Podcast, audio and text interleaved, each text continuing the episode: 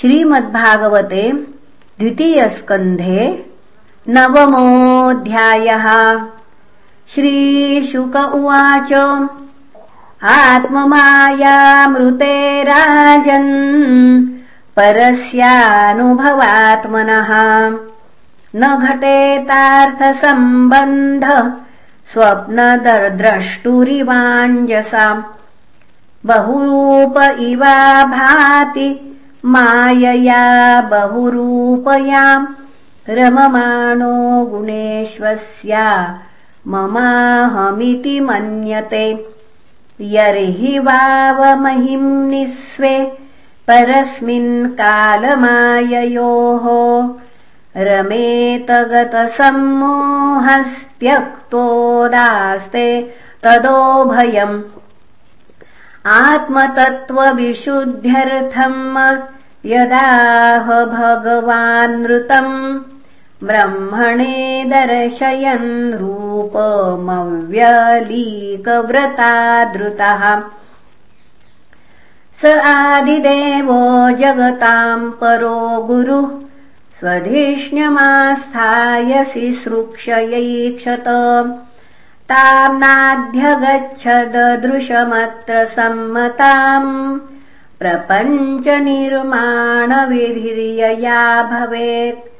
स चिन्तयन् द्वयक्षरमेकदाम्भस्युपाशृणोद् दीर्घदितम् वचो विभुः। स्पर्शेषु यत् षोडशमेकविंशम् निष्किञ्चनानाम् नृपयद्धनम् विदुः।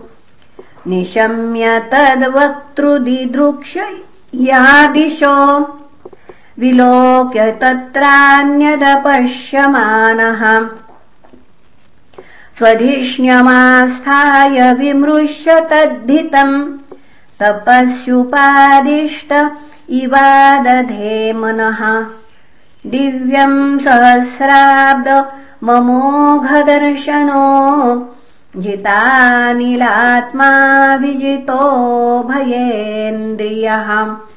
अतप्यतस्माखिलोकतापनम् तपस्तपीयंस्तपताम् समाहितः। तस्मै स्वलोकम् भगवान् स्वभाजितः सन्दर्शयामास परम् न यत्परम् व्यपेतसङ्क्लेशविमोहसाध्वसम् स्वदृष्टवद्भिर्विबुधैरभिष्टुतम्।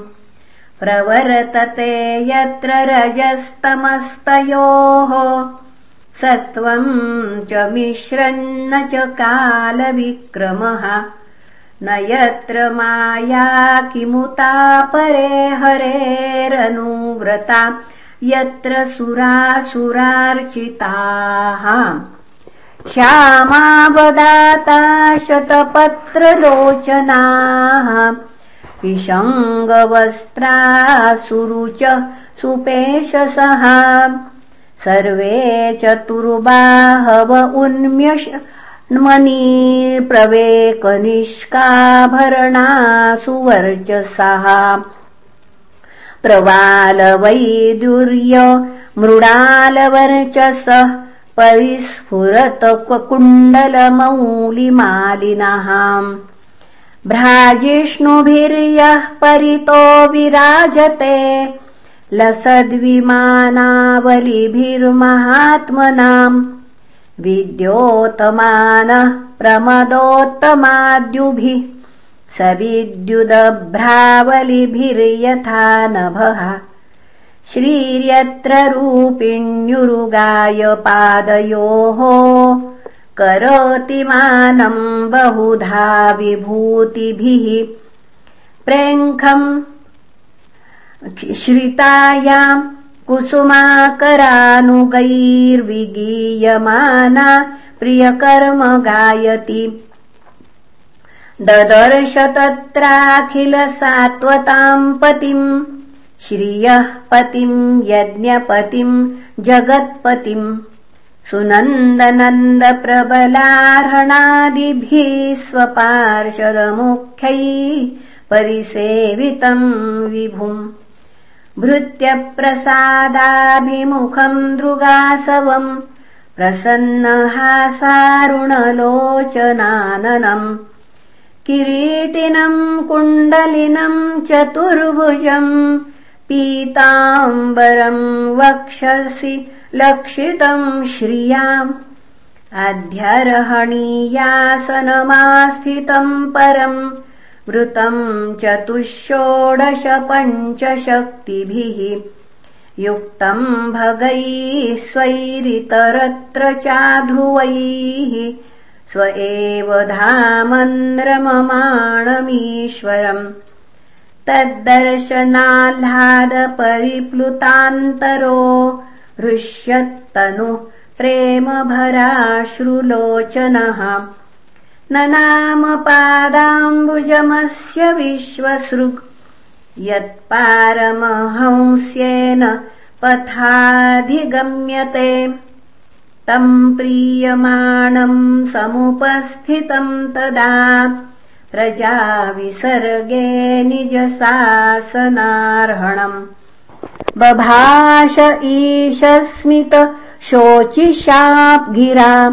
प्रियः पिप्रियम् प्रीतमनाः करे स्पृशम्। श्रीभगवानुवाच त्वयाहम् तोषितः सम्यक् वेदगर्भसि सृक्षयाम्। चिरम् भृतेन तपसा दुस्तोषः कूटयोगिनाम्।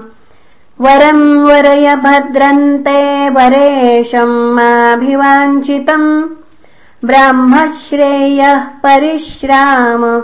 पुंसो महद्दर्शनावधिः मनीषितानुभावोऽयम् मम लोकावलोकनम् यदुपश्रुत्यर्हसि चकर्थ परमम् तपः।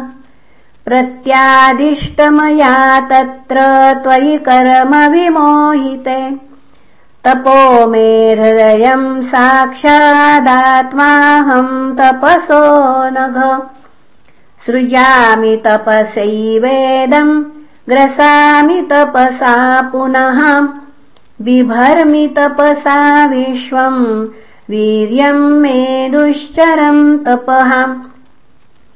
ब्रह्मोवाच भगवन् सर्वभूतानामध्यक्षोऽवस्थितो गुहाम्। वेद ह्यः प्रतिरुद्धेन प्रज्ञानेन चिकीर्षतम्। तथापि नाथमानस्य नाथ नाथयनाथितम् परावरे यथा रूपे जानीयान्ते त्वरूपिणः यथात्ममायायोगेन नानाशक्त्युपबृंहितम् विलुम्पन् विसृजन् गृह्णन् बिभ्रदात्मानमात्मना। क्रीडस्य मोघसङ्कल्प ऊर्णनाभिर्यथोर्णुते। तथा तद्विषयाम् देहि मनीषाम् मयि माधव भगवत्शिक्षितमहम् करवाणि ह्यतन्वितः नेहमानः प्रजा सर्गम् बद्धेयम् यदनुग्रहात् यावत्सखा सख्युरिवेशते कृतः। प्रजाविसर्गे विभजामि भोजनम्। अविक्लवस्ते परिकर्मणि स्थितो मामे समुन्नद्धमदोजमानिनः श्रीभगवानुवाच। ज्ञानम् परमगुह्यम् मे यद्विज्ञानसमन्वितम्। सरहस्यन्तरङ्गम् च गृहाणगदितम् मया यथा भावो यद्रूपगुणकर्मकः। तथैव तत्त्वविज्ञानमस्तु ते मदनुग्रहात्। अहमेवासमेवाग्रे नान्यद्यत् सदसत्परम् पश्चादहम् यदेतच्च योऽवशिष्येत सोम्यहम् ऋतेऽर्थम् यत्प्रतीयेत न प्रतीयेत चात्मनि। तद्विद्यादात्मनो मायाम्। यथा भासो यथा तमः यथा महान्ति भूतानि भूतेषु चावचेष्वनु प्रविष्टान्यप्रविष्टानि तथा तेषु न तेष्वहम्। एतावदेव जिज्ञासम् तत्त्वजिज्ञासुनात्मनः अन्वयव्यतिरेकाभ्याम् यत् स्यात् सर्वत्र सर्वदा। एतन्मतम् समातिष्ठ परमेण समाधिना भवान् कल्पविकल्पेषु न विमुह्यति। कर्हिचित् श्रीशुक उवाच सम्प्रदिश्यैवमजनो जनानाम् परमेष्ठिनम् पश्यतस्तस्य तदरूपमात्मनो न्यरुणद्धरिः। अन्तर्हितेन्द्रियार्थाय हरये विहिताञ्जलिः। सर्वभूतमयो विश्वम् ससर्जेदंसपूर्ववत्। प्रजापतिर्धर्मपतिरेकदा नियमान् भद्रम् प्रजानामन्विच्छन्नातिष्ठत स्वार्थकाम्ययाम्। तम् नारदः प्रियतमो रिक्थादानामनुव्रतः शुश्रूषमाणः शीलेन प्रश्रयेण दमेन च। माया विविदिशन् विष्णोर्मायेशस्य महामुनिः। महाभागवतो राजन् पितरम् पर्यतोषयत्।